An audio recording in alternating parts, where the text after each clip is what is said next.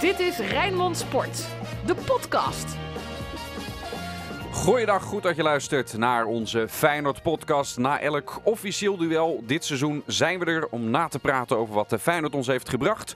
En dat is eh, tot nu toe in, uh, in dit seizoen met die voorronde duels in de Conference League tegen Lutsen en de opening uit bij Willem II. Is dat uh, heerlijk om terug te blikken op wat Feyenoord ehm, heeft, heeft gedaan. 0-4 werd het in Tilburg. Ik was in dat stadion met Sinclair Bisschop. Hij zit nu ook hier bij ons in deze podcast. Ook Ruud van Os is, is erbij. Um, jij was denk ik op de terugweg van Utrecht-Sparta poetste deze fijne prestatie dat chagrijn voor een Spartaan dan toch een beetje weg? Nou, ik moet eerlijk zeggen, ja. Weet je waarom? Ik word vrolijk van wat ik nu zie, van wat op Rotterdam-Zuid gebeurt. Niet alleen op het veld, maar ook daarbuiten. En natuurlijk, één zwaluw maakt nog geen zomer. Ik ken al die clichés. En we moeten maar zien hoe lang het duurt, hoor je mensen dan zeggen. Maar voorlopig geniet ik van de professionaliteit, van de fitheid, van de vrolijkheid. En ik hoop dat Feyenoord dit heel lang weet vast te houden. In het eerste kwartier, Sinclair, was echt levendig in het stadion. Dat was ook leuk. Uh, na corona, zeg ik maar vast, neem ik het, het schot voor de boeg uh, om dat te merken. Maar Feyenoord speelde de boel wel stil. Ja, en dat is knap. Want uh, kijk, de laatste week heeft Feyenoord heel weinig weggegeven. Met name tegen Lucien. En dan, ja, natuurlijk ga je kansen weggeven. Zeker met het speelstijl hoe Feyenoord acteert. En ja, als je dan een hele grote kans tegenkrijgt. En je hebt zo'n keeper in de persoon van Bijlo. Want ja, uh, met een wat mindere keeper of hij heeft hem niet, kom je toch weer een 1-0 achterstand. Dan ben je toch benieuwd. Want Feyenoord, het is allemaal nog pril dit succes. Hoe Feyenoord met echt tegenslag omgaat. Maar ja, uh, uh, met zo'n verdediging en met name zo'n keeper. Denk ik dat je heel veel wedstrijden ja, uiteindelijk toch gaat winnen. Die je anders misschien waar je achter komt. Rood, wit, bloed, zweet. Geen woorden maar daden. Alles over Feyenoord. Het is pril inderdaad. Het is pas speelronde 1. En Feyenoord heeft natuurlijk wat officiële voorronde duels gespeeld. Maar weet je wat ik nu al een beetje irritant vind? Is dat elke keer als Feyenoord dan nu uh, wint... Dan is het of, ja, het was maar een oefenpotje tegen Atletico. Of ja, het was maar Lutsen. Ja, het was maar Willem II. Elke keer als Feyenoord dan uh, iets goeds laat zien... dan wordt het meteen, uh, door sommige mensen, niet door iedereen... maar wordt het ook heel erg gedownplayed. Ja, maar ik denk dat het voor Feyenoord wel zelf goed is. Hè? Ik merk het ook aan Arne Slot, die toch in persconferenties ook gewoon kritisch is op die ploeg. Dat is denk ik wel goed in deze fase, maar het is wat Ruud zegt. Hè? Je moet even door de resultaten heen kijken. Want Feyenoord gaat echt de komende weken echt wel tegen een zeepet oplopen. Uh, maar je ziet wel een proces gaande. Je ziet dat er wat ontstaan is. Je ziet heel veel plezier afspatten. Je ziet dat het een hechte groep wordt uiteindelijk ook, de afgelopen hebben we Linsen met die dansjes en alles. Maar dat zijn helemaal kleine facetten van iets dat je ziet. Dat er ook bij de supporters, maar de spelers, er is plezier. Uh, je ziet dat de beloning van wat we zien op het veld, dat is de beloning van wat er gedaan wordt op 1908. En natuurlijk ga je dadelijk uh, een nederlaag leiden. En je moet ook niet te veel naar Ajax en PSV kijken. Want waar je eindigt, dat heeft en met concurrentie te maken. Maar dat hier een ploeg staat waar heel veel uit te halen valt en dat het een mooi jaar kan worden. ja, dat, het is pril. Maar ik zie echt wel uh, hele mooie facetten. Ja, ik heb, ik heb zomers meegemaakt met Feyenoord. Onder andere de vorige zomer. Daar zat er gewoon chagrijn in. Er werd gezeurd om, uh, ik heb meer nieuwe spelers nodig. Er was, uh, bijna niemand was fit. En, en nu is iedereen fit. En tuurlijk zal Arne Slot best wel tegen Arnezen zeggen... joh, ik, ik wil nog wel wat. Maar naar buiten toe, een gentleman, niet, uh, maakt gebruik van de jonge jongens. Ook al, misschien vindt hij ze misschien niet goed genoeg, maar gebruikt hij ze om anderen rustiger. Dat maakt allemaal niet uit. Het is gewoon allemaal veel positiever. En dan word je ook nog eens geholpen door goede resultaten de laatste weken. Was in het begin natuurlijk ook niet zo. Hè?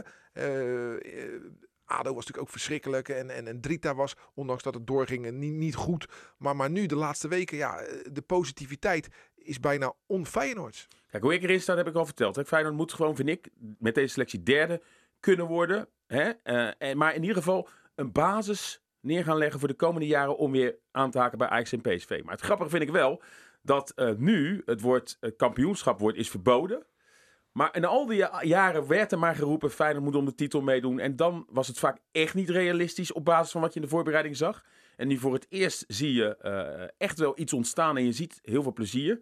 En nu wordt er gelukkig ook helemaal niet over gesproken. Maar snap je wat ik bedoel? Al die jaren dat het echt geroepen werd, was het niet realistisch. En nu zie ik wel dat. Kijk, Ajax en PSV, gaan maar heel weinig punten laten liggen.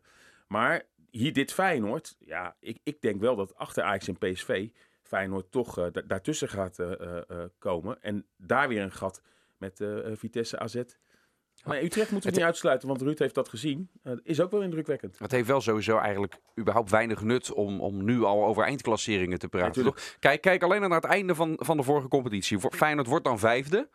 Maar ja, kijk even terug hoe dat ging. Uh, hè, zelfs als ze alleen al ADO uit of, of Emmen thuis. Kijk wat voor een gat Vitesse nog had. Als ze één van die potjes hadden dan had je ze nog in kunnen halen. Dus ook in de laatste vijf wedstrijden kan elke ploeg met, een bepaalde druk erom. Maar dat zeggen die andere ploegen natuurlijk ook. Vitesse heeft ook heel veel punten verspeeld in een reeks. En, en, en PSV Nee, zeker. Maar wat ik bedoel, dat het na speelronde 1, maar ook na speelronde 6 of 8 heeft het natuurlijk nog geen enkele maar, zin. Maar, maar, nee, absoluut niet. Want het allerbelangrijkste is, hoe gaat, gaan de selecties eruit zien dadelijk op 1 september? En nog belangrijker, zeker bij Feyenoord waar ja, die kern smal is, wie blijven er fit? En het is wel zo, wij vragen als journalisten toch ook altijd om doelstellingen. Dus wij vragen al voordat de eerste bal getrapt is, waar denk je dat je gaat eindigen? Dus het is een, een mechanisme wat al jaren gaande is. Dat hoeft niet per se hetzelfde te zijn, hè? Nee, maar je, kan ook een doelstelling doen. Hier, hier komt mijn stokpaardje weer. Je, hoeft, je doelstelling hoeft niet een positie op de ranglijst te zijn. Daar ben je veel te veel van externe factoren afhankelijk. Wat je wel als doelstelling kan stellen, is bijvoorbeeld een bepaalde lat die je wilt halen qua een puntentotaal, wat realistisch is in een seizoen. Twee, twee dingen daarin. Uh, uh, je kan, stel dat Feyenoord dit seizoen 32 keer wint. Mm Hoeft het nog geen kampioen te worden als er een ploeg is die 34 keer wint. Dus, dus je kan het nog zo goed doen. Je bent sowieso, wat je zegt, terecht afhankelijk van anderen. Dus, dus, dus eh, ik vind dat inderdaad eh, best gek om altijd maar inderdaad te zeggen, wij willen vierde worden. En als je dan niet wordt, word je daarop afgerekend. Terwijl ja, die drie daarboven, die kunnen het fantastisch, uh, fantastisch hebben gedaan. Dus, dus we moeten daar gewoon, gewoon sowieso niet meer naar vragen. Ook niet omdat Feyenoord iedere wedstrijd heeft, de intentie heeft om te winnen. Dus, dus wat is de intentie als Feyenoord op vrijdag een persconferentie geeft? Aanstaande zondag is het Ajax uit. Ik noem maar wat. Wat zeggen ze dan? Willen we verliezen? Nee, dan wil je winnen. Je wil 34 keer winnen. Dat is de doelstelling. Kijk, en, en, ik hoor heel veel mensen ook, ook weer nog negatief over Feyenoord. Natuurlijk moet je het maar zien. Maar als je dit elftal gaat analyseren... De keeper, ja, laten we eerlijk zijn, is gewoon de beste keeper op dit moment in Nederland. En dat is een jongen waar ook nog heel veel potentie in zit. Als je dat elftal doorgaat gaat uh, lopen. Daar zit zoveel potentie in met jongens die beter worden. En er staat gewoon een goede verdediging als dit blijft. Met Senesi en Trauner. En natuurlijk zullen ze wel foutjes maken. Malasia kan inderdaad, en daar moet je dik advocaat gelijk in, in geven, echt wel een van de betere backs in Nederland worden. Hij gaat natuurlijk de definitieve selectie halen nu. Weet je, dus wat dat betreft uh, zit daar natuurlijk wel heel veel toekomst. Alleen je moet wel gevrijwaard blijven van ja, dat is het. Ja, dat is het enige minpuntje als we het over Feyenoord hebben, is de smal smalle selectie. Dat, dat is het enige. En je merkt het nu al in Jaanbaks, hè, hoe je moet schipperen met ja, een middenvelder op de rechtsbuitenpositie. Haps valt weer in als een linksbuiten. Weet je, dus dat geeft wel al aan dat het, dat is echt nog wel broos. Ja, precies. Want hè, dat geeft slot ook aan. Hè. Als je kijkt naar die, die, die kern, daarmee kan Feyenoord echt behoorlijk ver komen. Maar daarna is de spoeling toch, uh, toch wel heel snel dun dat je, met nood, dat je noodverbanden moet dus gaan leggen. is het zaak dat Feyenoord echt die groepsfase van de Conference League gaat halen. 26 augustus, dan weten we of Feyenoord uh, uh, dat haalt. Ja, en dan heb je nog een paar dagen om eventueel... Want dan weet je dat je toch rond de 10 miljoen uiteindelijk binnenharkt. Hè, met startgeld en sowieso drie groepswedstrijden thuis. Uh, en als je dat niet hebt, ja, dan is er waarschijnlijk helemaal geen mogelijkheid om je te versterken. Dus ook dat is heel belangrijk uh, voor de rest van het seizoen voor Feyenoord. Dat Feyenoord inderdaad die groepsfase van de Conference League gaat halen. Het voordeel bij de smalle selectie is wel en, uh, dat er nu een trainer zit die ook goed luistert naar wat de specialisten om hem heen zeggen. Want want uh, in de vorige podcast had ik het erover dat Feyenoord de 21ste eeuw is ingestapt. En toen kreeg ik appjes van mensen. Ja, maar Feyenoord had toch al inspanningsfysiologen en die hadden toch Rick Kost al. Ja, Alleen ze hadden een trainer die er weinig naar luisterde. En weinig gebruik maakte van de videoanalyse. Maar nu is het een meer een, een, staf, is meer een team. Een, uh, slot staat aan het hoofd, maar er wordt goed samengewerkt. En hij luistert ook heel goed. En ik blijf het een mooi voorbeeld vinden. Of eigenlijk een heel lelijk voorbeeld. Vorig jaar, op 18 oktober, had je uh, Feyenoord Sparta. Feyenoord Sparta. Uh, Leroy Fer raakt geblesseerd in de eerste elf. Die gaat in een soort van spagaat en die overstrekt zichzelf. Wij weten dat er toen in de rust geadviseerd is aan de trainer: haal hem eraf. Want anders loopt hij zich stuk. Nee, hij moest blijven staan, want hij had niemand anders, bla bla bla. Tweede helft, ver geblesseerd, maanden weg. Nou, dat gebeurt onder slot gewoon niet. Weet ik duizend procent zeker. Nee, dat, blijkt, dat blijkt nu met Jaanbaks. Ja. Is, is daar meteen een goed voorbeeld van. Want kijken hoe die uiteindelijk het, het moet oplossen. Omdat er geen andere buitenspeler is. En dan toch deze keuze maken, omdat je hem uh, langer nodig hebt. Dus je kan wel specialisten om je heen hebben. Maar als die niet naar luistert, kan je net zo goed wegsturen. En nu wordt er naar geluisterd. En nu zou je ook zien dat, dat bedoel ik dus met die professionaliteit, dat dat niveau omhoog is gegaan. En dat, heeft ook, dat gaat zijn uitwerking hebben op het veld. Ik wil het even hebben over uh, Frederik Uisnes. Ik uh, ben behoorlijk enthousiast, wetende dat die jongen heeft helemaal nog niet zo vaak meegetraind. Maakt zijn debuut, staat meteen in de basis, maakt de 90 minuten vol. Ik zag daarna van een, uh, een, een, account op Twitter zo'n zo zo'n datamap, zo'n zo'n heatmap en hoeveel balcontacten die had en wat hij ermee uh, deed. Dat waren ook echt prima cijfers. Ja, voor een eerste indruk, ook hierbij, het is nog pril. Maar uh, er staat wel een goede breker op dat middenveld. Ja, en uh, Toornstra die wordt dan misschien toch wel weer echt het kind van de rekening. Daar hadden we het natuurlijk al een beetje over. Maar als je dan nu ziet dat die jongen gelijk mag spelen en dat dan ergens geschipperd wordt met andere spelers. Natuurlijk, Toornstra heeft in het verleden ook wel een beetje in de rechterzone gespeeld. Maar uh, je hebt daar natuurlijk wel ook iedereen nodig. Maar deze jongen, ja, ik denk dat het moeilijk wordt om hem eruit te spelen. Het voordeel wel voor de rest is dat hij nog niet speelgerecht is in Europa. Hè? Dus komende donderdag, ik hoop wel dat Jaan Baks fit is. Anders moet je wel eigenlijk op twee posities goed gaan sleutelen. Uh, maar ja, indrukwekkend hoe die jongen speelde. En ook dan kunnen we wel weer naar de tegenstander kijken. Want het middenveld van, het was echt alleen maar middelmaat wat daar op het veld stond bij Willem II. Maar ja, eerste indruk, uh, eerste indruk is goed. Maar mag ik een klein, klein vingertje opsteken dan? Tuurlijk. vorig jaar Willem II uit, Texera. Ja, viel goed in. Kreeg ook een bos bloemen. Spajic, ja. Dus, dus, dus de, laten we niet te vroeg juichen. Hè. Die jongen maakte een fantastische eerste indruk, die Arnes. Ja. En uh, we moeten nog allemaal leren hoe we zijn naam uitspreken. Maar ja, als, hij, als dit zijn niveau is, dan is het een pareltje hoor. Ja, ik moet wel zeggen Feyenoord, en dat doen ze wel gericht, scouten nu echt heel erg op loopvermogen. Hè? En je ziet, ja, wat het loopvermogen, hij kan ook gelijk 90 minuten aan de bak. En daarom wordt het heel moeilijk voor jongens als Texera. Maar ja, Antonucci is eigenlijk een, uh, een verloren aankoop. Hè? Dat is juist een jongen die, die, niet echt van het, het, loopvermogen moet hebben. Dat is een, een, een, een stilist aan de bal, maar heeft een broertje dood aan verdedigen.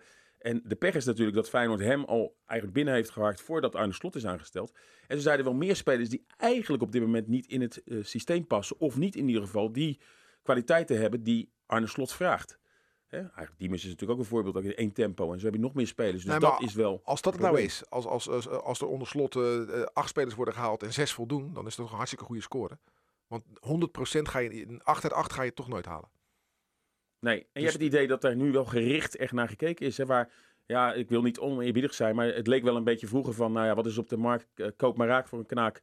En kijken welke speler we transfervrij of via een gelukje kunnen binnenharken. Nou, we hebben zat, voorbeelden van de Pratos en alles die, ja, voor je gevoel nooit echt bekeken zijn. Onder het mom van die past echt daadwerkelijk bij de filosofie hoe gespeeld wordt. Maar meer, ja, laten we maar hopen dat het dat wordt.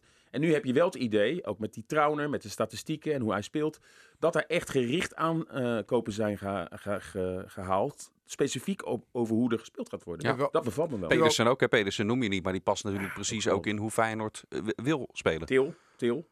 Nou, het, is ook, je moet, het spel tussen trainer en technisch directeur moet gewoon hartstikke goed zijn. Die moeten dagelijks eh, meerdere malen contact met elkaar hebben. En dat je niet dat zwarte pieten krijgt. En wat bij Prato dus gebeurde. Waarvan advocaat zei, ja, dit, is het enige wat, wat ik kon krijgen van Arnezen. En waarvan Arnezen zegt, nee, ik heb er hem drie bij hem neergelegd. En hij wilde Prato. Weet je, dat moet je gewoon niet hebben. Misschien, eh, dat moet, je- als het al zo is, moet je dat achter de schermen doen. En zeker niet in interviews. Maar dat is toch een beetje eh, dat de TD en de trainer een straatje aan het schoon zijn vegen. Nee, nu moeten Slot en Arnezen, die moeten bijna gaan samenwonen. Dat doet Slot heel, eh, ook heel goed hè, die interviews. Communicatief heel vaardig. Ook als hij vragen krijgt over, over het jaar hiervoor. Dan blijft hij daarin als een, als een gentleman eh, Ja. antwoorden. En gelijk heeft hij. Jij, eh, ehm, Sinclair, hoe kijk jij nou naar die spitspositie? Moet er nou echt nog iemand bij?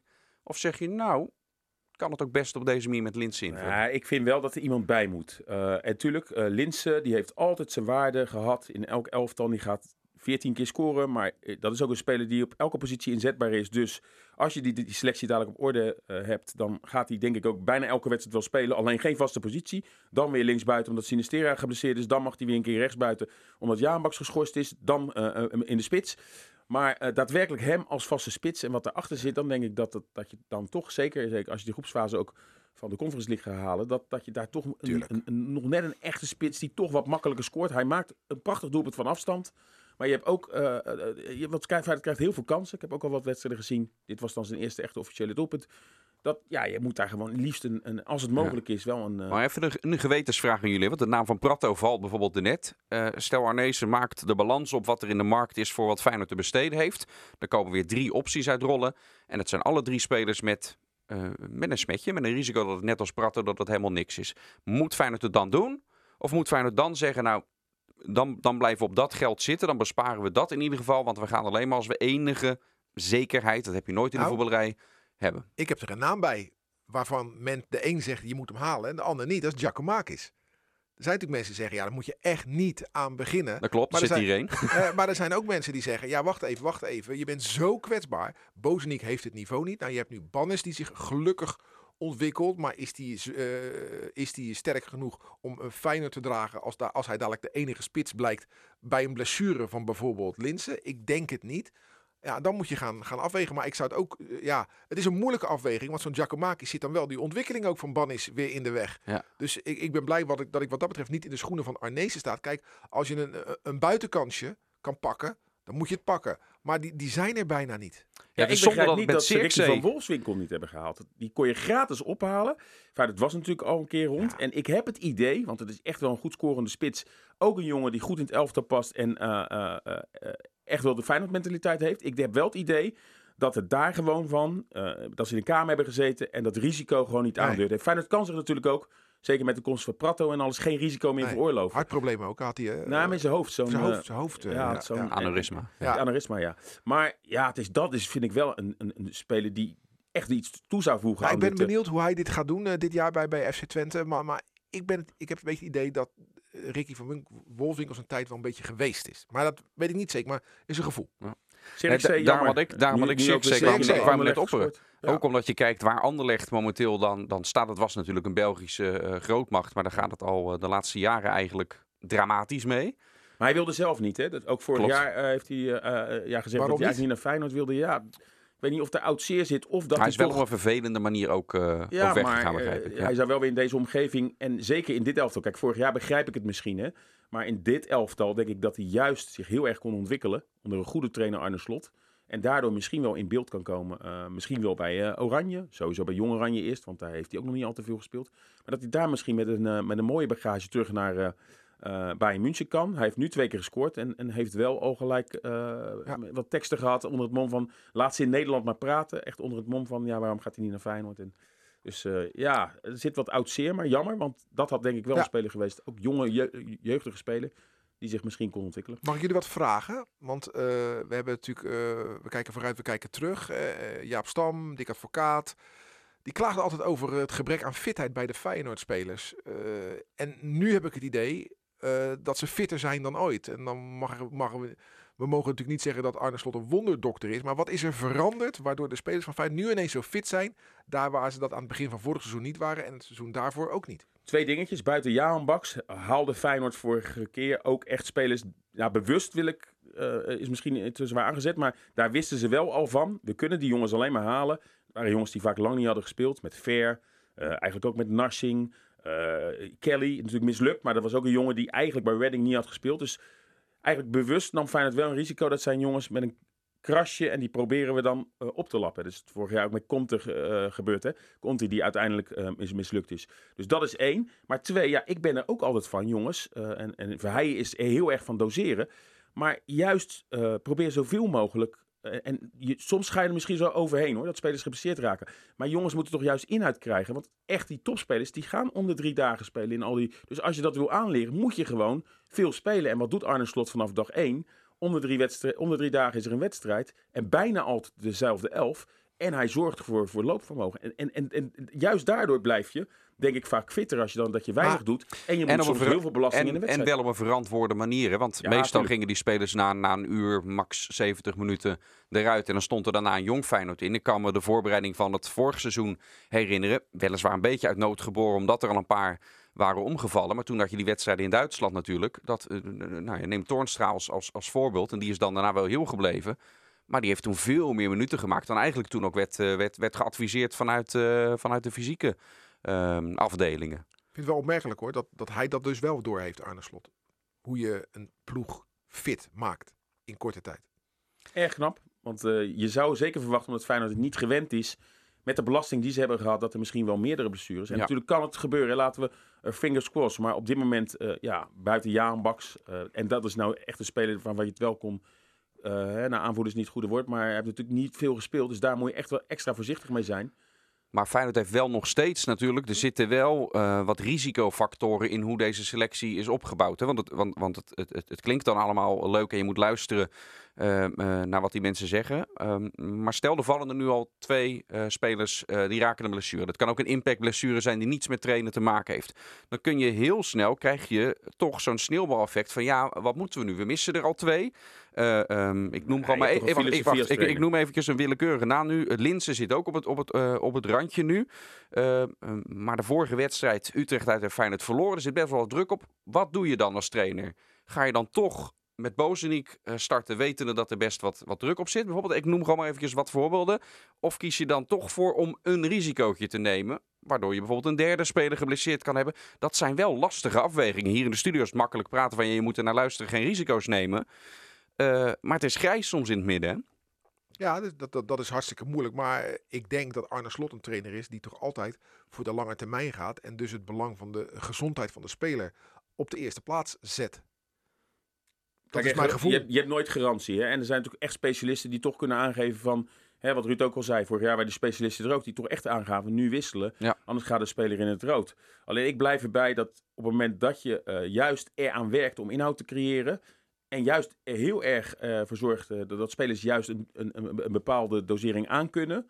Dat, je, ja, dat betaalt zich uiteindelijk uit in plaats van dat je eh, op een gegeven moment in een wedstrijd over, eh, in het rood gaat. En dat je eigenlijk te weinig doet waardoor je het niet aan kan. Mag ik nog iets noemen van gisteren wat mij opviel? Zeg, Eh, wat ik echt eigenlijk het leukste moment van de wedstrijd vond, dat was... eh, de vogeltjesdans. Nee, nee, nee, niet. Daar ben, ik, daar ben ik niet zo van. Eh Bannis scoort, afgekeurd. Ja. Maar er wordt alsnog gekeken. En het blijkt een goal te zijn. En die blijdschap. Ja. Die blijdschap, dat lachende gezicht van Haps. En allemaal naar die Bannis, die jonge jongen die vorig jaar zoveel shit over zich heen heeft gehad. Van dat hij niet goed genoeg was. Die blijdschap van die ploeg in die middencirkel. Na die verlaten toewijzing van die goal. Dat vond ik het mooiste van, van gisterenmiddag. Ja. Want scoren en juichen, dat, dat, dat gebeurt overal. Dat vind, vind ik niet zo bijzonder. En dat er dan dansjes gedaan worden, oké. Maar dit vond ik echt zo typerend over de sfeer in de groep. Natuurlijk, het werd 4-0. Het gunnen van elkaar. Eh, Maar het Ja. gunnen, ja, ik, ik, ik- vond het heel mooi eh, om te zien. Die verlaten grote blijdschap bij de 4-0. We gaan het hebben over eh, de wedstrijd van donderdag, eh, mannen. Feyenoord tegen Elfsborg. FC Rijnmond. Archief. Nooit eerder gespeeld, zou je dan zeggen. Dus het eh, archief bij ons is, eh, is leeg.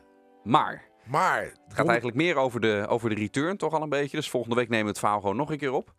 donderdag 2 oktober 2008, toen Ja. was ik in dat stadion, In de Waar- Boras Arena. in de Boras Arena. Maar toen speelde Feyenoord niet tegen Elsborg. Nee, Feyenoord speelde toen tegen Kalmar, een uitwedstrijd. Die speelde ergens anders, maar die moesten in dit stadion spelen. En ik mocht toen radioverslag doen, dus ik ben daar al eens geweest. En eh, dat was een, eh, een wedstrijd. eh Feyenoord had verloren in de Kuip Ja. van Kalmar met 1-0.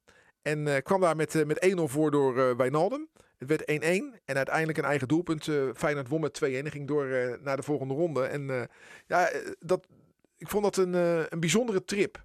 Eh, dat was eh, na Nancy. En Jan Dirk Stout en ik deden verslag. En in Nancy in het centrum was natuurlijk gigantisch uit de hand gelopen eh, toen eh, die keer. Dus ik ben heel lang in het centrum gebleven bij de Feyenoord supporters om te kijken wat daar eh, zou gebeuren. En pas één minuut voordat de wedstrijd begon schoof ik aan bij Jan Dirk en gingen we samen de wedstrijdverslag doen. Nou, daar was de sfeer wel heel goed. Was een, eh, een mooie trip en eh, met eh, het, de, de ploeg en de businessclub en de pers in één vliegtuig. Zou ik ook nooit vergeten. Was, en Feyenoord was door, dus het was, was gezellig. Kom, kom daar nog maar eens om. Ja, precies. Dus daar heb ik een, goede herinnering aan. En wat ik zelf, ik, ik, ik laat mezelf ook wel eens van de mindere kant zien. En dat gebeurde daar dan. Wat bleek nou? Wij zaten in een hotel en met de pers. En omdat Kalmar daar niet vandaan kwam, die ploeg, zaten zij ook in een hotel. En dat was bij ons. Dus wat bleek, ik zat in mijn kamer naast de kamer van de materiaalman van Kalmar. En eh, voetballers in zijn algemeenheid zijn luie donders. Dus wat doen die? Als ze getraind hebben, dan donderen ze bij eh, de hotelkamer van de materiaalman. Donderen ze al hun spullen op de grond. En die materiaalman mag dat dan opruimen. Dus ik kwam eh, uit de lift en ik zag die, die, die hoop met kleding liggen van Kalmar. Ja, en ik was toen wat jonger. Was het, 2008? Nou, dan was ik nog in de 30. Kon ik het is niet geen laten. excuus hoor. Nee. Kon ik, geen, kon ik het niet laten. Je was volwassen. Dus ik heb een greep uit die spullen van Kalmar genomen. Ben mijn kamer ingegaan. Wat bleek ik te hebben? Een, Het vieze slipje een, van. eh, nee, ik had een mooi shirt. Ik had een trainingsjack. Ik had één sok. Nou, die sok heb ik in de prullenbak gedaan. Die, dat shirt en de trainingsjack mee naar, eh, naar huis genomen. En daar heb ik nog jaren in gesport. En eh, mensen begrepen er helemaal niks van. Dat ik in Rotterdam rondliep in een shirt van Kalmar. Maar eh, ja, ik, ik heb het weggedaan. Dat had ik misschien wel niet moeten doen. Een jeugdzonde. Maar wilde ik toch even Jeugdzonde, niet... die was, die was al in de 30 man. Ik was al vader. ik, wilde het, ik wilde het toch even benoemen. Die drie gebroeders Elm, hè, die speelden bij Como. Ja. Die kwamen daar vandaan. Vandaan bij Heerenveen en AZ hebben die Elmpjes eh eh gehad. Maar ja, eh, ik- het is wel een, eh, een leuke trip. Zeker omdat Feyenoord natuurlijk een grote naam heeft in Zweden. En Feyenoord heel veel te danken heeft aan, eh misschien wel Zweden. het belangrijkste doelpunt ooit gemaakt door een Zweed. Hè, met de overziensval. Mogen, En de, sowieso... mogen de sporters mee? eh, nee, Officieel maar die niet, zijn nee. er... Maar die gaan natuurlijk wel zijn, maar het mag weer niet dus. Nou, Nee. ja, het, het centrumpje van, van, eh, van Bo- Boras eh, is, kan, je goed, eh, kan je goed verblijven hoor. En het is vlak bij Göteborg ook. Hè? Ja, vlak bij Göteborg. Dus, dus, eh, nee, Is er een eh, fontein? Daar heb ik van de zomer ingestaan in Rome. Ik ben in Rome geweest op vakantie. Ik heb Ja. in die fontein eh, gestaan. eh. ik heb me netjes gedragen. Ja, niet geplast. Niet geflast. Oké. Het zit vlakbij Göteborg. Hè? Maar de- de- toch eventjes de, de toerisme dan voor die to- Want wij weten, Sinclair, ze gaan er toch heen. In raken waren ze er aan? 300, Moet- waren er 100 eh, in Moeten ze, moeten ze in Boras gaan zitten of, eh, of in, in Göteborg, wat een half uurtje er vandaan is? Ja, dan zou ik in Göteborg gaan zitten. Maar ik weet wel nog, eh, ik was daar niet bij, want wij zaten in Boras, dat bij die trip in Göteborg toen ook het een en ander fout is gegaan met Feyenoord supporters. Die werden uitgedaagd door, maar ik weet daar het fijne niet van. Maar in Boras is daar toen eh, niets gebeurd. En vond ik het, eh, ja, de sfeer, wat ik zeg, ik was tot één minuut voor de wedstrijd, eh, bij wijze van spreken, was ik op dat plein daar, was, was prima. Over die wedstrijd, Sinclair. Slot zei er al van. Die eerste analyse is gedaan. We gaan hem later deze week natuurlijk nog, nog spreken. We gaan met Geert den Oude nog praten. Want die weet veel van het Zweeds voetbal nog steeds. Is daar, heeft daar gespeeld. Zeer succesvol ook. Maar Slot zei er al van. Ja, dat wordt toch een, een heel vervelende wedstrijd. Want wat we al van ze weten is dat eigenlijk elke bal van achteruit meteen een lange bal naar voren. Waardoor Feyenoord dus niet helemaal het spel kan spelen zoals hij het het liefste eh, speelde. Eigenlijk hoe, hoe Drita dat thuis ook op een gegeven moment deed eh, op, op die beginfase eh, na.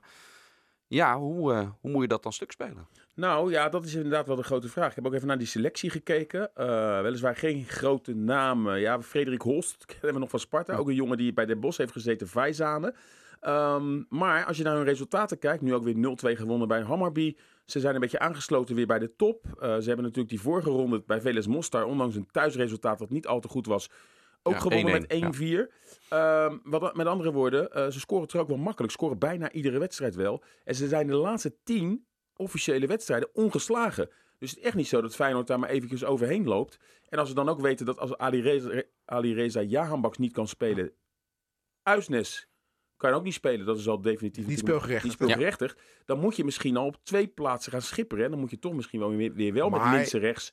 En in de punt eh, eh, Robert Bosniek. En dat scheelt, dat hebben we de, de laatste week gezien, ook al een slok op een bol. En deze ploeg ehm, eh, speelt alleen maar heel veel met lange ballen. Dus die gaat niet voetballen. Nou, met Trouwen, prima toch? Laat maar komen. Ja, nee, dat wel. Maar die gaan dus niet voetballen. En dan eh, heeft Feyenoord, zag je eigenlijk gisteren ook weer. Want na die rode kaart ging Willem II eigenlijk eh, de, de schade beperkt houden. Dus weer een muur optrekken.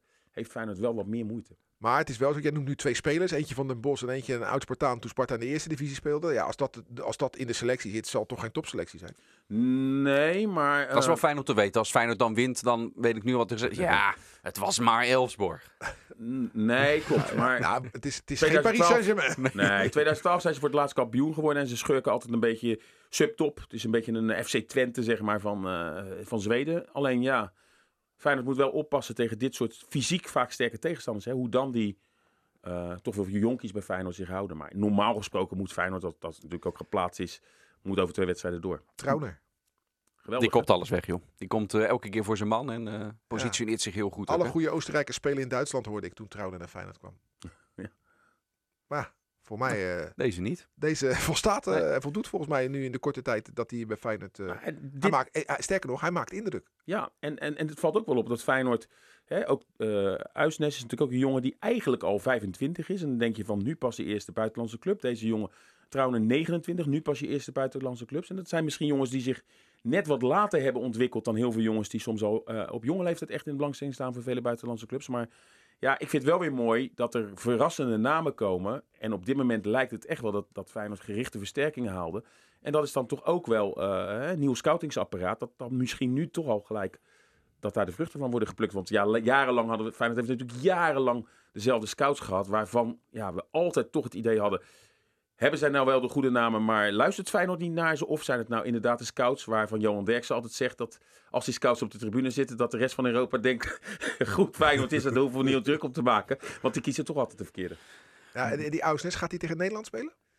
Eh, nou, hij, hij zit sinds kort bij de ehm, Noorse nationale ploeg. Eén interland heeft hij achter zijn naam. Dus ik sluit niet uit, zeker als hij eh, eh, eh, eh, nu de komende weken gaat spelen, dat hij wordt opgeroepen. Maar ja, ik weet niet hoe dat is. Transfer nu naar Van der Molde naar Feyenoord gemaakt. Of die Hè? Bij Vergaal doet dat ook hè, op dit moment. De spelers die op dit moment met transfers bezig zijn, de Dumfries en alles, Ze zien het daar wel als een grote transfer. Want ik, ik was bij zijn presentatie en toen werden er ook, eh, ook de, de Noorse omroep, weliswaar met, een- met een correspondent dan, maar toen moest hij ook in het Noors antwoorden, omdat het op de staatstelevisie daar werd, eh, werd doorgeprikt. Dus het wordt wel als een grote transfer daar gezien. En dat aanzien neem je ook weer mee naar je nationale ploeg eh, wellicht. Mooi hoor, kan hij met Haaland spelen. Lijkt me wel eh, geweldig. Tegen Nederland. Daar word je niet minder van. Nee. Donderdag dus. Feyenoord, Elsborg, 8 uur op Radio Rijnmond. De voorbeschouwing, eh, de dag ervoor. Eh, van alles over die wedstrijd te vinden natuurlijk op onze, op onze site ook. Ehm, je hoeft er helemaal niks van, van te missen. Hoeveel mensen worden er verwacht donderdag? In de Kuip? Hoeveel mogen erin? Ja, Weer- dat, weer dat, vij- dat gaat weer eh, richting de rond 30, toch? Ja, rond de 30. 30.000 toe- Want dat terras zag ik nog staan eh, de laatste keer. eh, Ja, die, dat- die houden ze ook nog, want de hele officiële bezetting mag nog niet, hè. Twee derde, eh, sowieso ook. dat blijf ik raar vinden. Wel een raar verhaal, hè, Ja. want de vakken die open zijn, Ja. daarbij zit iedereen op elkaar. Ja, Die gisteren ook weer bij Willem II. gooi dan alles open. Nou, ik was gisteren in Utrecht bij Utrecht Sparta ook. Als je dan ziet in die catacomben waar mensen frikandellen halen boven op elkaar. En eh, ja. Nee, maar je, je kijkt, de Kuip is natuurlijk een fantastisch voetbalstadion. En met dat terras wordt extra geld verdiend. Dus dat is ze van harte gegund. Maar het ziet er wel een beetje gek uit, vind ik. eh, Zeg ik eerlijk. Nou, eh, de, de perschef van eh Lutsen die zei, wat is dit? En toen moest ik dus uitleggen, ja, dit is voor de zomer, maar dit wordt Ja. wel weggehaald. Oh, dat wordt wel weggehaald. Vond ik ja, ja. Ja, ja, ja, want, want hoeveel, eh, ze verwachten 30 of mogen er maar 30 in? Nee, er mogen er ongeveer maar 30 in. Hè. Twee derde van de, de bezetting. En, is wel eh, ook de verwachting dat ze daar in de buurt gaan eh, komen. Want dat was met de, de vorige wedstrijd uiteindelijk ook. eh, volgens mij waren er toen 27.000 ongeveer. Nee, eh 30. De officiële bevestiging was iets van 30.000. Nee, want dit Feyenoord verdient wel een, een vol stadion. Dat kan dan niet. Maar de, het aantal kaarten wat er is, moet dan wel verkocht worden, eh, vind ik hoor. Dus eh, dat, dat verdienen ze wel. Maar dat zomerterras, dat gaat eh, volgens mij wel eh, weg. Zomer bijna over. nou, die is nooit begonnen. Die is nooit begonnen. Donderdag staat hier eh, er nog als die wedstrijd gespeeld wordt. En vrijdag blikken we ook in een nieuwe podcast weer terug op Feyenoord Elfsborg. De heenwedstrijd van de play-offs om de Conference League te halen. Dit was Rijnmond Sport, de podcast. Meer sportnieuws op Rijnmond.nl en de Rijnmond app.